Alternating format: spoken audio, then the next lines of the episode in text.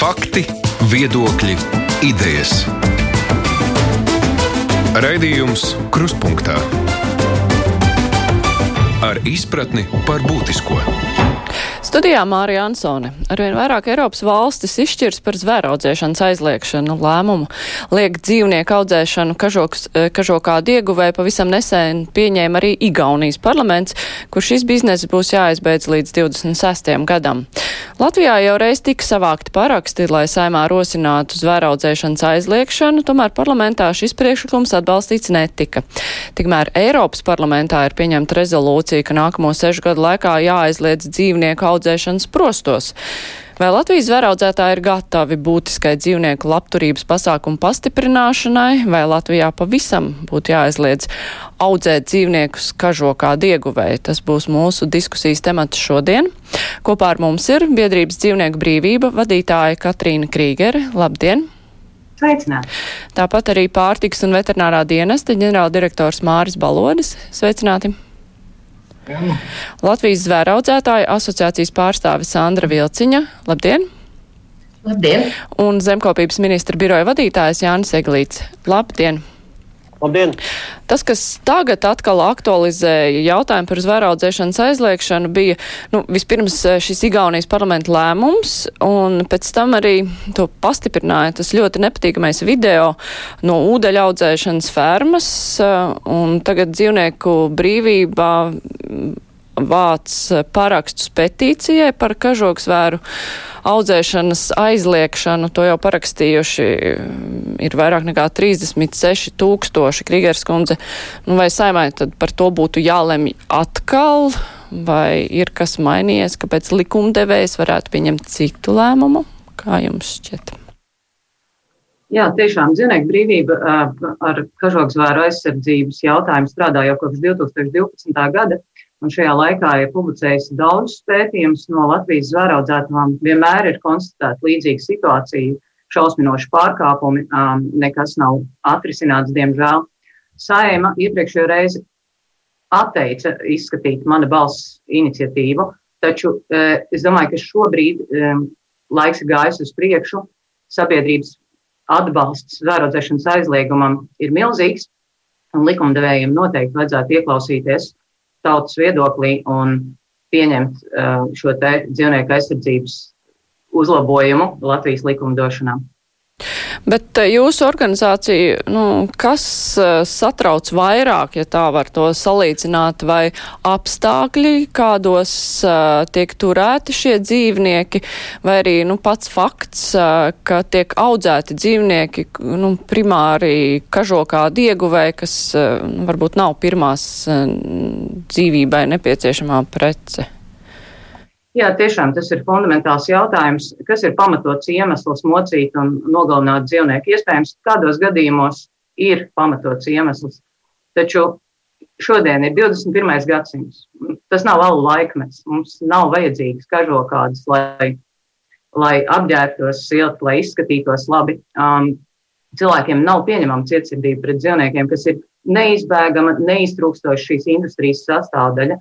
Um, Kāpēc tas joprojām turpinās? Tas ir ļoti liels jautājums. Kāpēc pusmiljonu dzīvnieku Latvijā katru gadu nonāvē ļoti nežēlīgā veidā, nosmacē gāzes kamerās, lai no viņiem ražotu apģērba dekorācijas? Mūsuprāt, tas vienkārši ir jāizbeidz, jo tas eh, neko labu neliecina par mums, par mūsu tautu, par mūsu uh, Latvijas tautas vērtībām, par mūsu attieksmi pret, pret uh, dzīvniekiem, vienam pret otru, cieņu vienkārši pret dabu un tam līdzīgi. Baloškungs, jūs droši vien arī esat redzējis jau pieminēto video, vai tas ir tas, ar ko PVD saskaras vēraudzētavās, vai jūs redzat tur citu ainu? Nu, teiksim tā, tad, kad pārbaudas veids pārtiks un veterinārā dienesta inspektori, šādas rīcības, kā mēs redzējām video, nenotiek. Es domāju, ka tas ir izņēmuma gadījums, kad tiešām mēs novērojam cietsirdīgu izturēšanos pret dzīvniekiem. Es ceru, ka tā nav normāla prakse. Bet to mēs skaidrosim administratīvo pārkāpumu procesu ietvaros, kas ir ierosināts pēc konkrētajiem video sižetiem, ko mēs redzējām gan žurnālā, gan raidījuma aizliegtais paņēmiens, gan arī papildus informācija mums sniedz dzīvnieku brīvību. To, ko redz pārtiks un veterinārā dienesta inspektori, pārbaudas mēs veicam pietiekami bieži. Pagājušajā gadā tas bija 30, gan par dzīvnieku labturības jautājumiem, gan arī saistībā ar Covid, par biodrošības jautājumiem.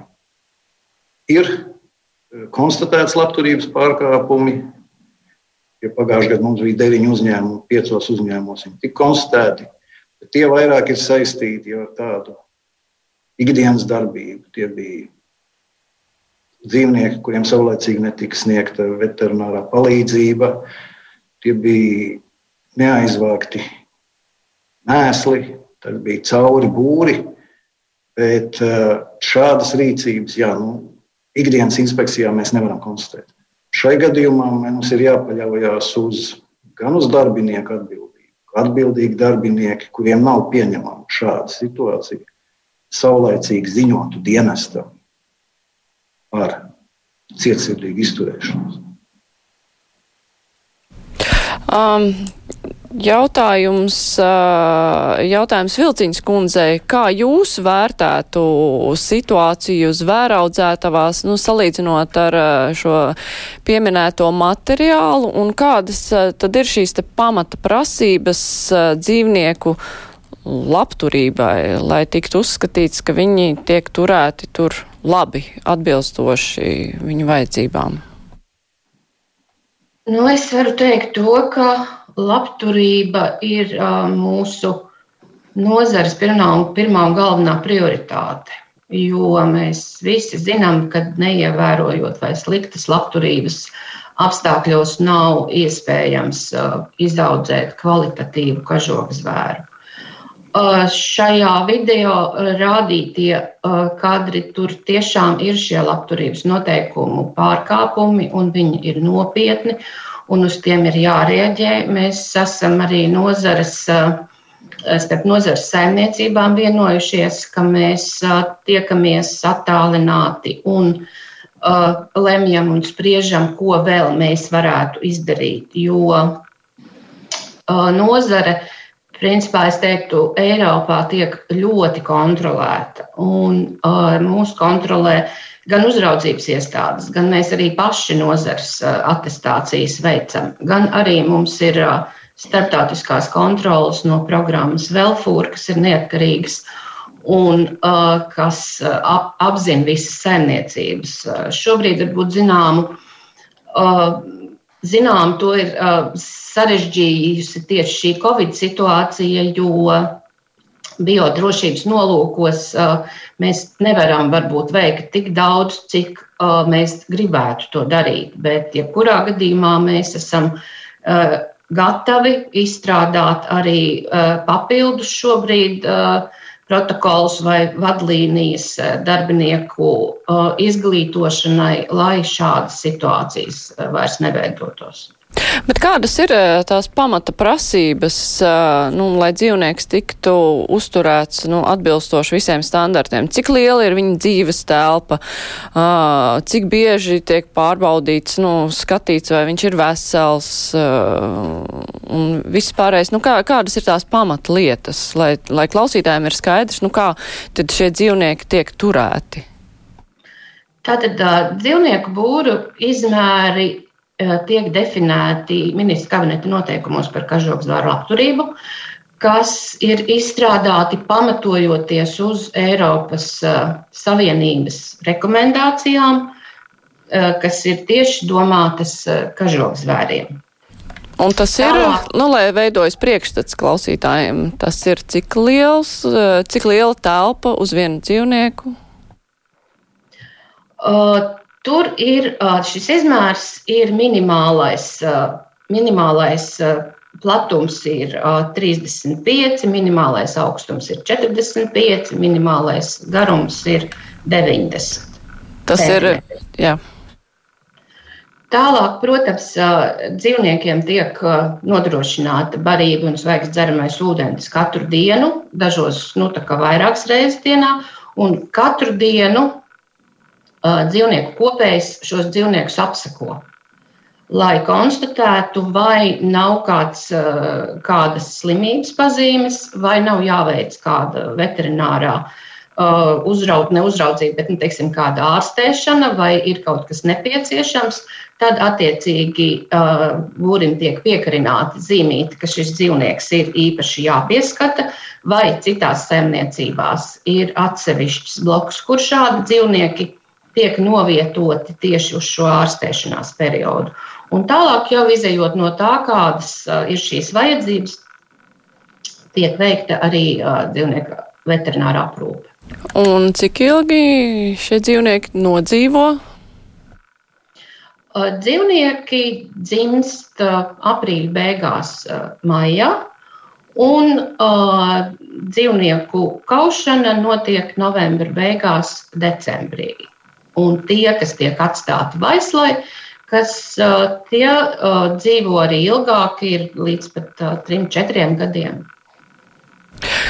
Eglīša kungs, kā jums šķiet, vai Latvijā ir nepieciešams kaut ko mainīt, lai uzlabotu, pastiprinātu labturības noteikumus, vai varbūt jāatsakās no šīs nozares, kura, jā, Uh, jā, nu, redzētie video materiāli kādri liek secināt, ka viss nenotiek tā, kā tam būtu jānotiek. Tāpēc skaidrs, ka izmaiņas ir nepieciešamas. Par to, kādas tās būs, par tām mēs noteikti varēsim runāt jau pēc tam, kad pārtiks un veterinārais dienas būs veids šīs ārpus kārtas pārbaudas, un mēs varēsim jau vairāk izsacināt par šo situāciju. Kas attiecās uz uh, kažoku zvēru audzēšanu, es domāju, ka šajā gadījumā jaukt lēmēju varu ar izpildu varu nevajag. Saima 2015. gadā ar deputātu balsu vairākumu lēma, ka kažoku zvēru nozara ir saglabājama. Un šobrīd mēs, kā zemkopības ministrija, esam, mēs strādājam pie tiem lēmumiem, ko saima ir nolēmusi. Arī šobrīd šis jautājums ir Saimnes tautsāniecības komisijas darba kārtībā. Un, ja saimnes deputāti lems citādāk, tad mēs rīkosimies atbilstoši saimnes lēmumam. Uh, par ekonomisko ietekmi. Nu, kāda, cik liela ir šī nozara, ja mēs skatāmies uz uh, lauksaimniecību, uh, nu, kāds uh, pienesums gan valsts ekonomikai, nu, teiksim, nodokļu jomā, cik daudz darba vietu, nu, kā jūs novērtētu šīs nozares lielumu un nozīmi Latvijas ekonomikā?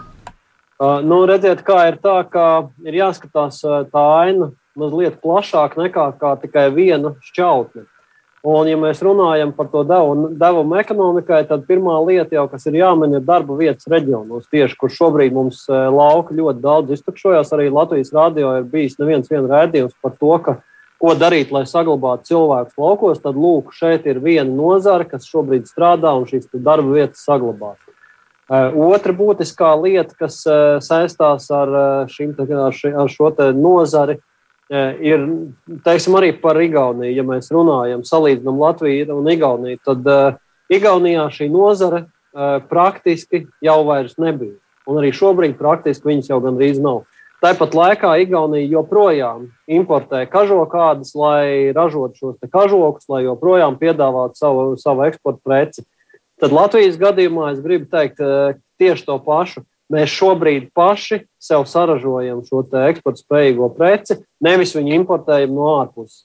Un, eh, protams, ka viedokļi par to var būt dažādi.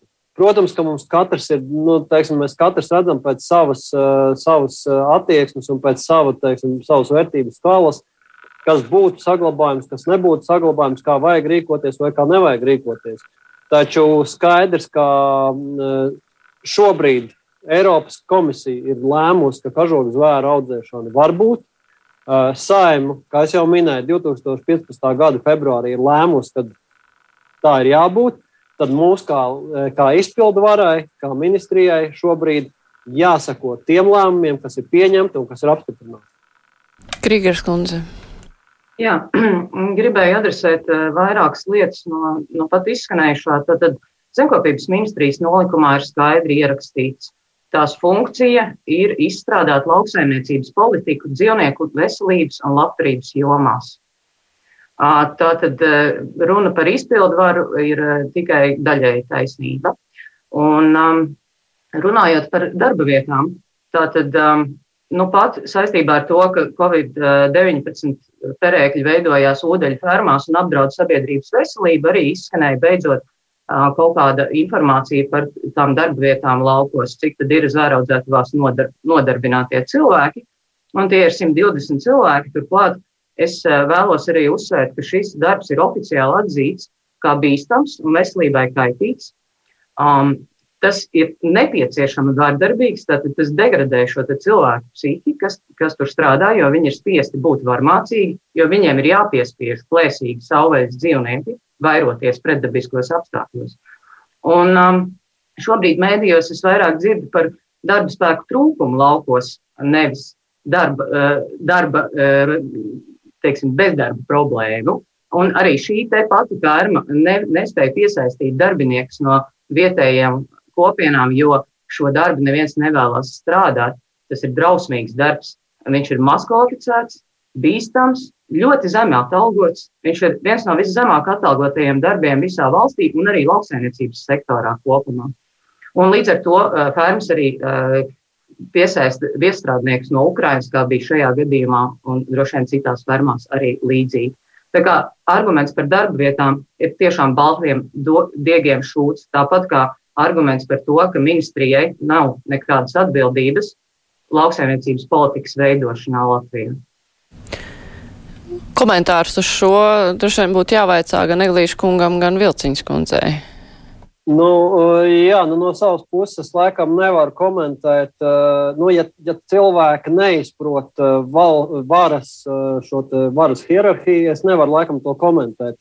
Sājuma ir tā, kas pieņem lēmumus, un mēs rīkojamies saskaņā un šo politiku veidojam saskaņā ar sājumas ar likumu, ar sājumas lēmumu. Bet ministrija var būt iniciators, ja redz, jo sājumas deputāti nav lauksaimnieki, ministrija specializējas uz lauksaimniecību. Ministrija var būt Tātad, iniciators. Šajā, Bet jūs šajā šajā situācijā neuzskatāt, ka jums ir jāizrāda kāda iniciatīva? Šajā gadījumā mēs redzam, ka mēs varam strādāt, strādāt un pilnveidot noteikumus. Mēs varam Jo šobrīd, ja mēs skatāmies uz to situāciju, kā viņi būtiski mainīsies, tad eh, šo zvēraudzētāju skaits ir būtiski samazinājies.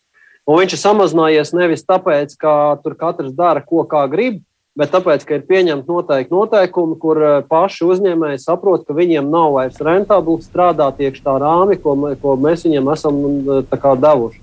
Un, Cik lielā mērā ir samazinājies? Jūs varētu minēt kaut kādus datus pēdējo gadu laikā, nezinu, nu, piecu. Šobrīd jau, šobrīd jau Krīgeris kundze jau minēja, cik mums šobrīd ir šīs zvēraudzētavas, tad kādreiz desmit gadus atpakaļ viņas bija vairāk.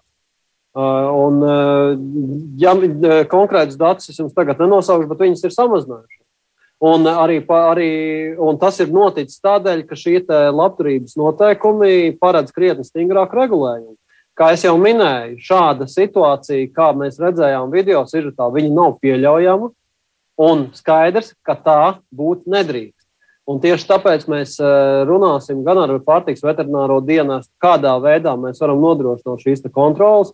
Varbūt tās būs video kameras, kur, kur būs jānodrošina kādā noteiktā laikā piekļuve inspektoram, lai viņš varētu redzēt šo pārkāpumu fiksēt eh, brīdi.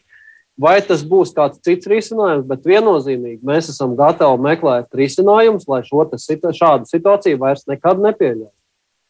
Vilcīņas kundzei, jums ir komentārs?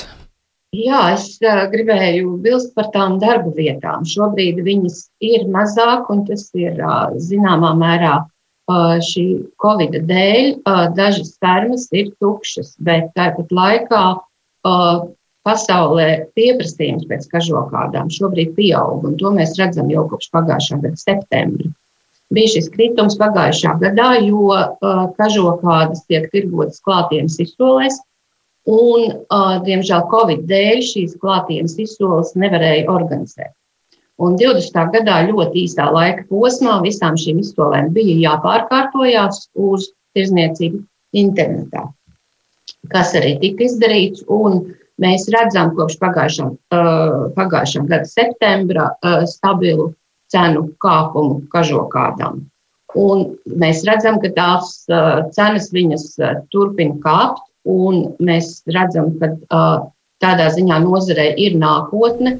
Mums ir pārunas arī ar, ar, ar fermeriem, kuriem šobrīd šīs fermas ir tukšas. Viņi plāno uh, rudenī iegādāties uh, dzīvniekus un turpināt audzēšanu. Cenu kāpums vai pieprasījuma kāpums? Tie ir uh, savstarpēji saistīti. Nu, ja nebūs tā pieprasījuma, tad tās cenas nekāps. Bet šobrīd šis pieprasījums uh, ir, un tas, kas ir izsolēs, tiek piedāvāts, tas arī simtprocentīgi tiek pārdots. Līdz ar to uh, mēs uzskatām, ka nozare šeit, Eiropā, uh, tiek ļoti kontrolēta. Un nozares vienkārša likvidēšana nemazinās šo pieprasījumu. Vienkārši šīs audzētavas tiks bāzētas kādās citās valstīs, kur šī nozara netiek kontrolēta. Un uh, tirgus jau noregulē visu pats. Ja nav pieprasījumu, nu, tad nebūs arī tas piedāvājums. Bet šobrīd mēs redzam, ka tas pieprasījums ir. Krīgers kundze. Jā, nu, starptautiskā prakse gan parāda tieši pretēju tendenci, tātad aizliegumu jebkurā valstī um, atvieglo un stimulē aizliegumus nākamajās valstīs. Līdz ar to jau ir tā, ka šobrīd lielākajā daļā Eiropas zvēraudzēšana ir aizliegta vai nu tiešā vai netiešā veidā. Un, tas ir aizliegums ir gan piemērs citu valstu politiķiem, gan arī signāls kreditoriem. Jo, piemēram, Eiropas Rekonstrukcijas un attīstības banka, pamatojoties uz to, ka nu, nozara tiek aizliegta ar vien vairāk valstīs, šobrīd jau atsakās finansēt šo sabiedrībai nepieņemamo un vidē kaitīgo nozari. Un pārtraucot šo ražošanu, ar vien vairāk valstīs kļūst politiski reāli arī to aizliegt visā Eiropas Savienībā. Un, uh, Tālāk jau Ķīna, piemēram, viņi skatās Eiropas modes tendences, viņi seko līdzi Eiropas tendencēm. Un uh, nav tā, ka, uh, ja Eiropā ar vien vairāk aizliegs, tad Ķīnā ražos vairāk. Tieši otrādi. Un vēl viena lieta, ko vēlos uzsvērt, ka uh, pieprasījums, ko min zvēraudzētāji, tas jau ir pašas industrijas radīts šis pieprasījums. Kamēr šī nozare turpina pastāvēt, kamēr tā ražo, tikmēr tā cenšas radīt arī noietu savai precei.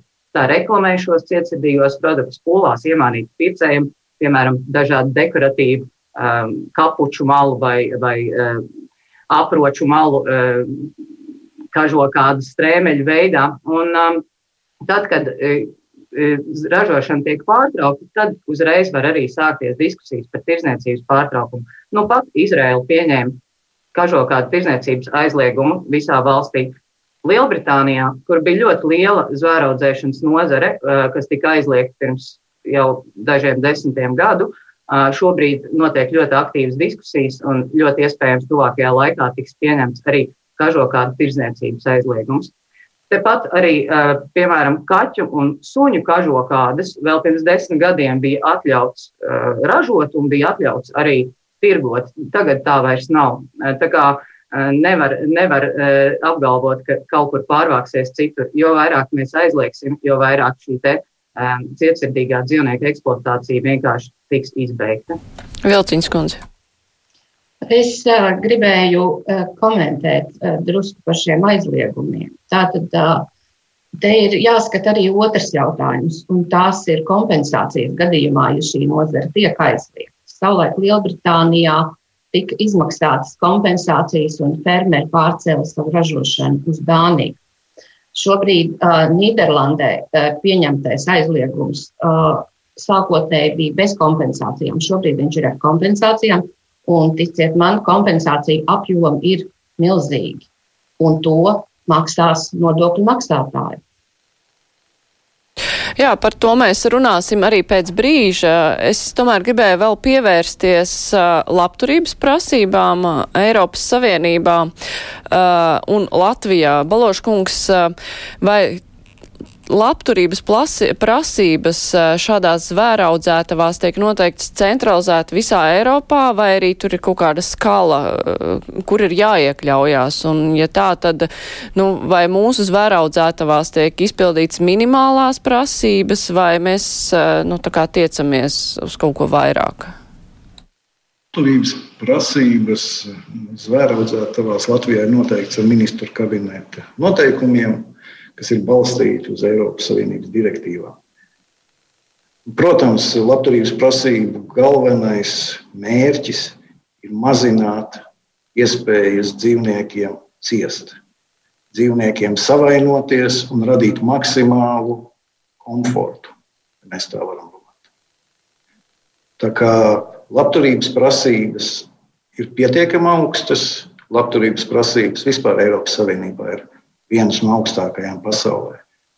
Un tas, ka nozare pārcelsies uz citām valstīm, tas arī ir fakts. Jo pieprasījums saglabāsies.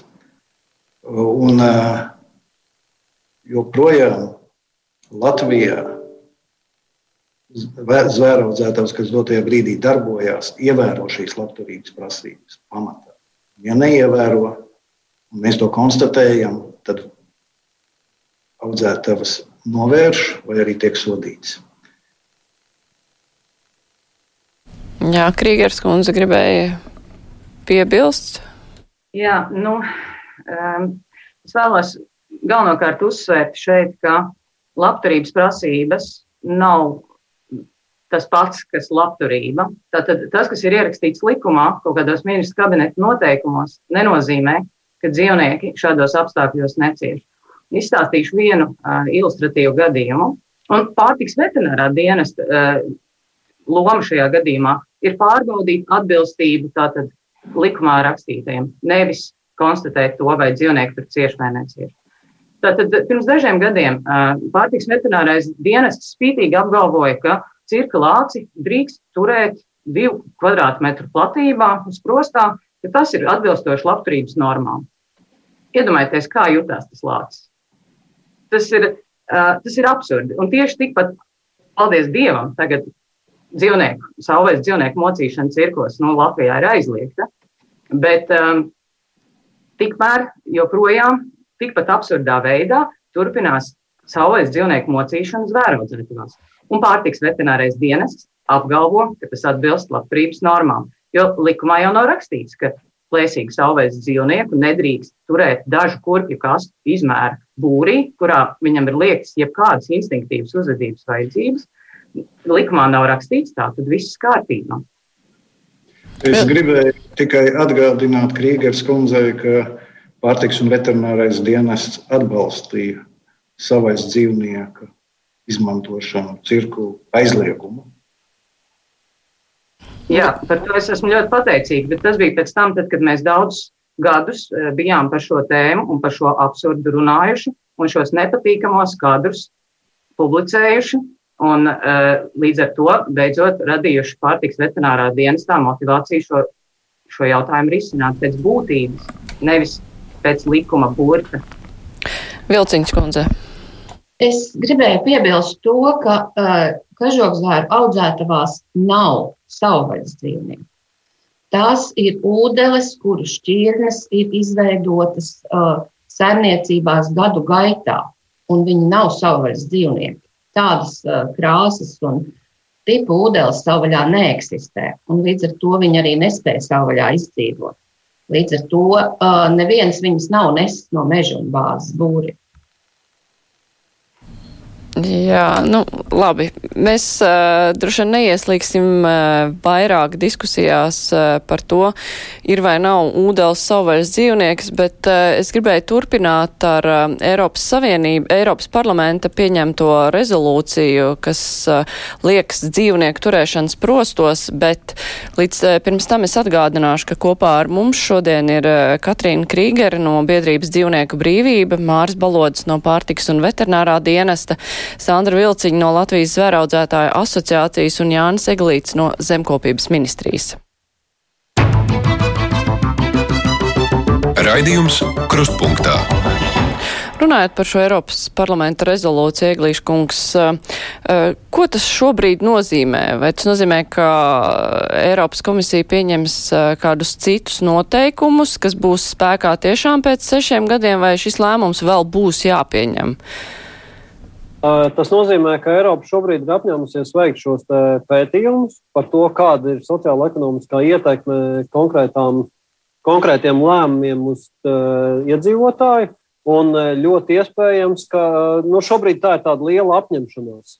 Un es varu tikai pievienoties tam, ka mums būtu jāiet šobrīd attīstoties cilvēciskai sabiedrībai, ir jāiet ar vien vairāk uz to, lai mēs pēc iespējas mazāk nodarītu kādam pāri. Bet, lai tas cikls būtu pilnīgs, ir nepieciešama pētījuma, ko arī Eiropas Savienība veiks. Krīgers kundze, vai tas ir solis uz priekšu liegums uh, audzēt dzīvniekus sprostos? Kādas varbūt alternatīvas, kā šie dzīvnieki var dzīvot?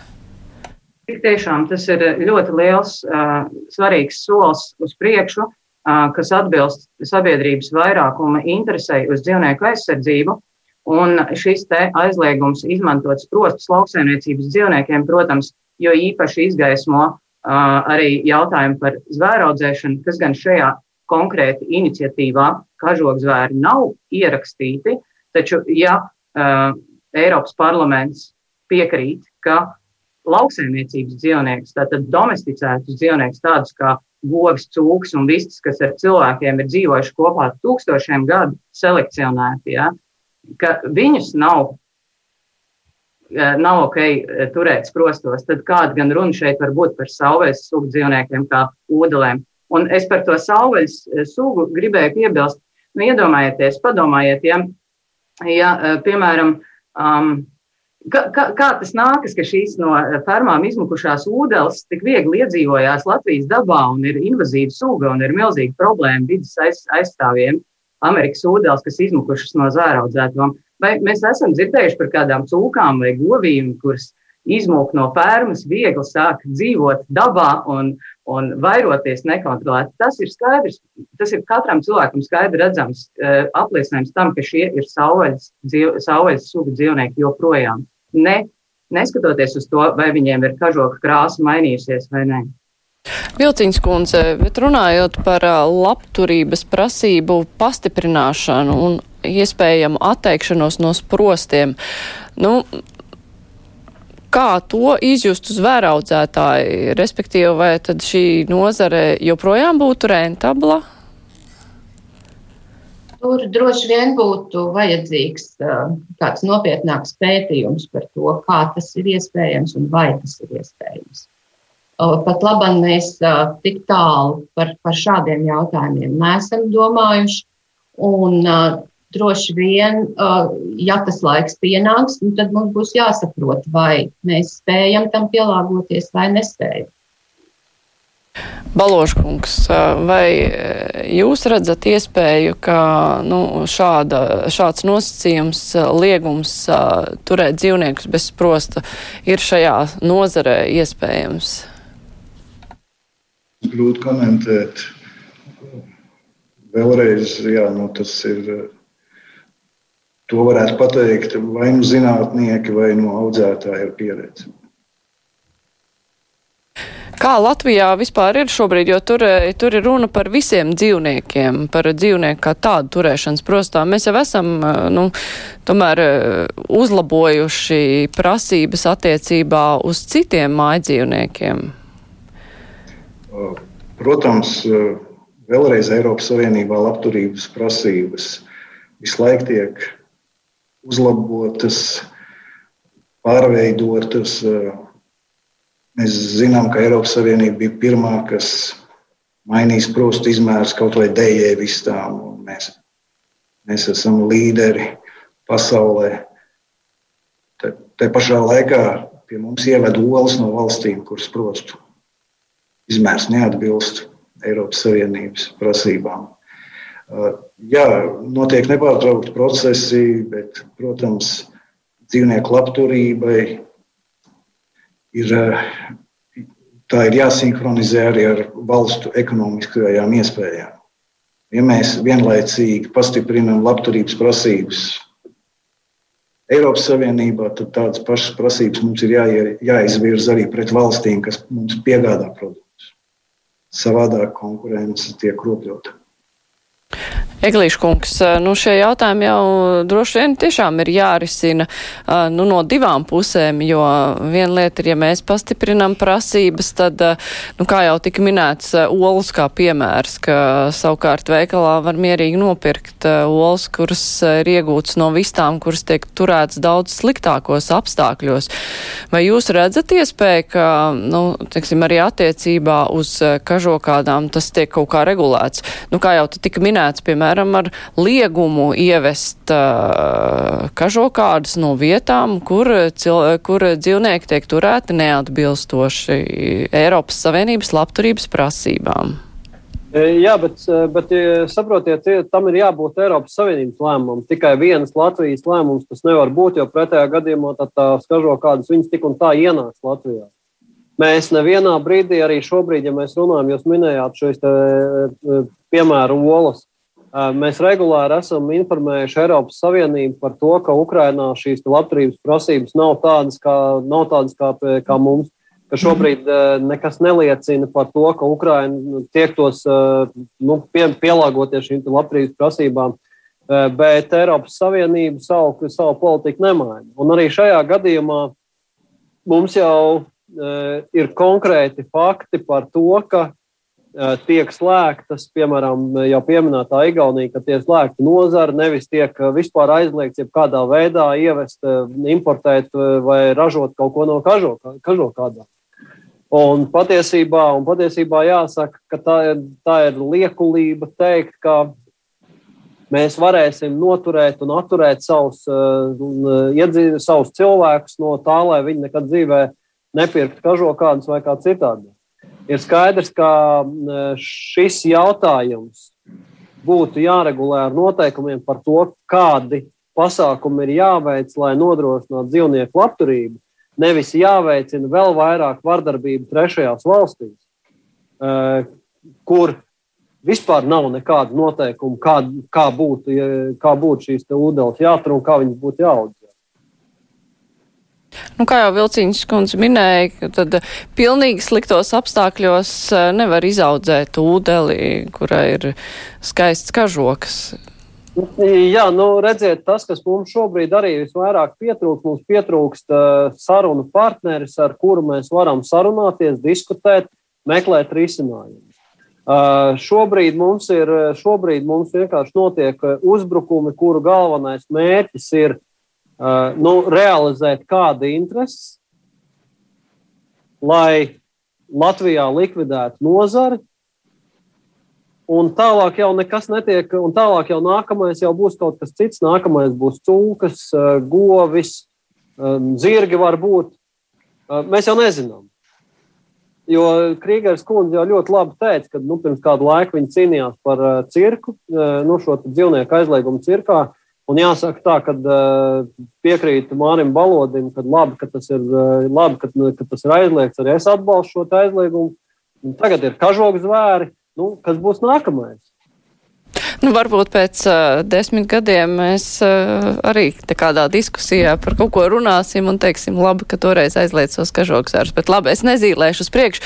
Uh, vēl es gribēju precizēt, uh, ja mēs runājam par uh, tirgiem, uh, vai noieta tirgus ir vairāk uh, Eiropa, vai vairāk trešās valstis, Ķīna tiek minēta kā noieta tirgus? Respektīvi, vai šeit lielāka problēma ir, nu, tā kā ar, nezinu, Ukrainas eh, vistu olām, tas, ka tās nāk iekšā mūsu tirgu, jo tas patēriņš ir, vai tomēr eh, šajā gadījumā vairāk tās ādas iet projām no Eiropas valstīm? Principā, eh, kažokādu tirzniecība ir diezgan specifiska, jo kažokāds tiek tirgots izsolēs un izsolēs darbojas brokeri. Un brokeri strādā dažādu firmu interesēs. Tas, ka mēs viņus pārdodam šai izsolē, mēs nevaram pateikt konkrēti, kurā valstī nonāk šis gala produkts, jo ļoti daudz iet uz Ķīnu, bet tikpat, tikpat daudz arī iet no turienes ārā, jo Ķīnā ir ļoti attīstīta kažo kādu šūšana kas varbūt Eiropā ir dārgāk, tur viņi ir lētāk. Tālāk jau kā gala izstrādājumi. Viņi tiek tirgoti pa visu pasauli, gan, gan uh, Eiropā, gan Amerikā, gan visur, kur. Ja. Nu, tā, ja mēs tā uh, procentuāli skatāmies, tad, uh, tad ir liela daļa, jā, kas iet uz Ķīnu. Bet tāpat laikā ir uh, Grieķija, ir uh, Taivāna, ir tā pati Amerika. Tas, ko, tā informācija, ko mēs saņemam uh, no šīm izsolēm. Krīgers kundze, jūs minējāt valstis, kur ir ne tikai aizliegta kažoksvēra audzēšana, bet arī tirgošana. Kā tur tie lēmumi ir tapuši un pamatojoties uz ko? Jā, protams, pamato, pamatojums galvenokārt ir sabiedrības intereses uz dzīvnieku aizsardzību un tas, ka lielākajai daļai sabiedrības šī kažokādu industrija ir nepieņemama.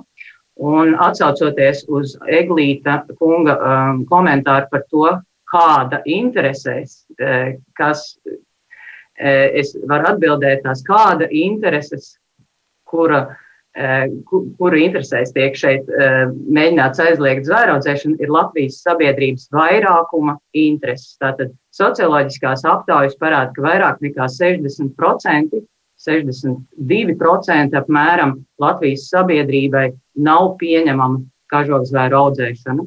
Un runājot par tām valstīm, kurās ir aizliegta tirdzniecība, šī tendence tiešām ir jauna, jo vispār arī zvēraudzēšanas aizliegumi ir jauni, tāpat kā pati nozara ir jauna. Pati nozara varbūt pastāv kādus 80 gadus, um, tad uh, aizliegumi, pirmie aizliegumi tika pieņemti ap 2000. gadu. Šobrīd jau ir ar katru gadu ar vienu, ar vienu, ar vienu jaunas valstis aiz, aizliedz ražošanu un sāk parādīties pirmie tirzniecības aizliegumi. Šobrīd ir Izrēlā aizliegts valstiskā mērogā, ir arī vairākos Amerikas štatos aizliegts un diskusija ir Lielbritānijā. Un kā tas tīri praktiski pēc tam notiek? Ir jāpierāda, ja kāds skaidā, staigā kažo kādā, kur viņš viņu ir dabūjis, vai vienkārši, nu, Atvest var nopirkt ārzemēs. Jā, skaidrs, ārzemēs var nopirkt. Kažoku, kas mētājas no vecmāmiņas laikiem skapī, drīkst novalkāt. Mm -hmm. Nu, labi, ja mēs atgriežamies pie iespējas, ka Eiropas Savienība lems par liegumu audzēt dzīvniekus prostos, protams, tur vēl ir daudz, kas, daudz par ko jādomā, gan par to secību, kā šis liegums varētu tikt piemērots. Un tur tika minēts, ka ir būtiski ir domāt arī par kompensācijām, jo, protams, ne katrs varēs turpināt šo darbu. Vilciņas kundze, ja mēs runājam par par eh, nozaru Latvijā. Nu, par kādām kompensācijām varētu būt runa šeit? Nu, cik liels īsti ir tas bizness? Jo, nu, te tika minēts eh, deviņas audzētavas, 120 eh, cilvēki, kuri nodarbināti, nezinu, lielākām, mazākām algām, bet, nu, kāda ir tā vērtība, nu, lai šo biznesu kompensētu, lai varētu pārorientēties, darīt kaut ko citu? Tur droši vien būtu jāveic kaut kāda detalizēta aprēķina, bet uh, mēs zinām, ka uh, pēdējos gados uh, nozarē ir investēti vismaz 20 miljoni eiro. Tās ir tīri tikai un vienīgi investīcijas. Nu, tālāk, uh, protams, ir jārēķina uh, viens vaislas zvērs, labs vaislas zvērs maksā ap 100 eiro. Nu, ja mums ir ap 100 tūkstoši šobrīd vaislas zvēru, tie ir tādi ļoti ļoti aptuveni aprēķini. Plus vēl teiksim, visu būvju nojaukšanu, visa tur nolīdzināšana, kādas tur vēl varētu būt izmaksas. Ja, viņas noteikti nekādā gadījumā nebūs mazas. Mēs šobrīd tiekam informēti arī par to, kāda ir kārtība un, un, un kādas kompensācijas pat labam maksā Nīderlande. Mēs zinām arī par to, ka Dānija ir pieprasījusi šīs kompensācijas, un, un apjomi ir tiešām ļoti lieli. Bet kas ir tas vērtīgākais? Jūs pieminējāt dzīvnieki. Cik ilgi dzīvo tāds vaislas dzīvnieks? Dažādi, kā varbūt divi, trīs, četri gadi. Nu jā, jo tur bija runa par pārējais periodu, lai tas viss nav uzreiz jāklapē ciet. Un tad lielākā vērtība nākamā tad varētu būt tās būves. Tās nevar pārorientēt uz kaut ko citu. Nu, diemžēl viņas ir specifiskas, viņas ir būvētas atbilstoši kažokzvēru labturības prasībām un nav piemērojams vismaz cik tālu es varu iedomāties, tad citu dzīvnieku audzēšanai viņas nevarētu būt izmantojamas. Krīgers kundze. Jā, es par kompensācijām gribēju piebilst, ka um, tā tad ir vairāk veidi, kā, aizliegts, kā šie aizliegumi tiek pieņemti. Daudzās valstīs kompensācijas netiek noteiktas, par kompensāciju tiek uzskatīts pārejas periods. Tātad nosakot, piemēram, 5, 5 vai 6 vai 10 gadu pārejas posmu, um, zvēraudzētājiem tiek dots laiks, kad pārorientēt savu uh, biznesu un uh, saņemt, saņemt tātad peļņu no, no ieguldītajā, ieguldītajām investīcijām. Nīderlandes gadījums, ko Vilciņas kundze min, gan ir maldinošs, jo Nīderlandē arī tika pieņemts aizliegums bez kompensācijām, nosakot ļoti lielu pārejas periodu, taču pēdējā gada laikā saistībā ar Covid-19 infekciju un tātad Nīderlandes politiķiem apzinoties šo ļoti nopietno risku, ko zvēraudzētavas rada sabiedrības veselībai, tika pieņemts lēmums šo te, uh, aizliegumu pātrināt un apturēt jau šogad, nevis 24. gadā, kurā būtu šī nozara slēgta pēc pārejas perioda, un līdz ar to arī tika iz, izmaksātas kompensācijas. Un tad vēl e, gribēju e, piebilst par būvēm, kā tās var izmantot citos veidos. Ir uh, lieliski piemēri no Ziemeļvalstīm, kur bijušajās zvēraudzētavās, tajās pašās uh, garajās nojumēs, kurās uh, tagad stāv tūkstošiem būru, tiek izvākti būri, nojumēm tiek uzlikts jauns, jauns segums, un tās tiek pārveidotas par siltumnīcām, kurās tiek audzēti dažādi augi. Eglīša kungs, kompensācijas tās varētu būt tik milzīgas, nu, ja tas lēmums tiek pieņemts Eiropas līmenī, un tad no kādas naudas būtu jākompensē, ja tas ir tāds kopīgs Eiropas lēmums no vietējiem budžetiem vai no Eiropas budžeta? Nu, tajā brīdī, kad šo lēmumu pieņem Eiropas Savienība, tad Eiropas Savienība arī rūpējas par to, lai tiktu atbilstoši kompensēta. Kas attiecās, kas attiecās uz Krīgeris kundze ļoti daudz izmanto tādu terminu kā sabiedrības veselība. Uh, tad uh, man ir jāsaka, ka sabiedrības, ka kažokzvēra audzēšana neno, neno, nenoliedzami ietekmē sabiedrības veselību, bet sabiedrības veselību ietekmē arī tādas lietas kā mazu bērnu skaistuma konkursi, kā vēl dažādas nu, citas rīcības, naida runa internetā, kur es esmu saņēmis personīgi no dzīvnieku brīvības atbalstītājiem ļoti daudz un ļoti bieži tikai par to viedokli, kā es izteicu, ka nezinu, vai Facebook ir tā īstā vieta, kur rādīt, kā nogalināt vai nežēlīgi izturēties pret, pret ūdeni. Un, uh, es domāju, ka vērts ir varbūt pievērsties ne tikai vienam jautājumam, bet paņemt tā plašāk. Un, ja mēs, ja mēs teiksim, skatāmies uz nu, šo jautājumu tādā kontekstā, es jau minēju, ka, un arī jūs jau teicāt, Eiropas Savienība šobrīd ir lēmusi par konkrētu darbības uzsākšanu. Šobrīd mēs skatīsimies uz tiem rezultātiem, un tā ir skaitā arī Latvija dos savu devumu tam visam. Un, tad, kad būs šie pētījumi, tad būs arī adekvāti runāt par to, vai kas ir ienesīgs vai kas nav ienesīgs. Ja mēs runājam līdz, šai, līdz šim brīdim, tad ir jāsaka tā, ka, kā Krīgais kundze minēja, ka no viņas prāt 120 pēdušas ģimenes varbūt nav nekas. Manā skatījumā katra ģimene, kas strādā Latvijā, kas pelna naudu Latvijā un tepat var dzīvot un uzturēt savas ģimenes, ir vērtīga. Uh, ja mēs runājam par šo te arī, tika pārmest par to, ka uh, zemkopības ministrijā ir, var izstrādāt šo politiku, mēs arī viņu izstrādājam uh, atbilstoši tam, kādu lēmumu pieņems, kā jau es iepriekš arī minēju. Un šobrīd Es, eh, es domāju, ka saima ir tā, kas varēs vērtēt šo jautājumu no visiem aspektiem un pieņemt tādu lēmumu, kas būtu visas sabiedrības interesēs. Jo, ja mēs runājam par šo aptauju, tad ir jāsaka, ka ļoti būtiski ir tas, kā tiek uzdots jautājums. Un, ja man jautātu šodien, vai, nu, vai es nezinu, jebkādu jautājumu, tad es uz viņu atbildētu, ņemot vērā to informācijas bāzi, kas man ir.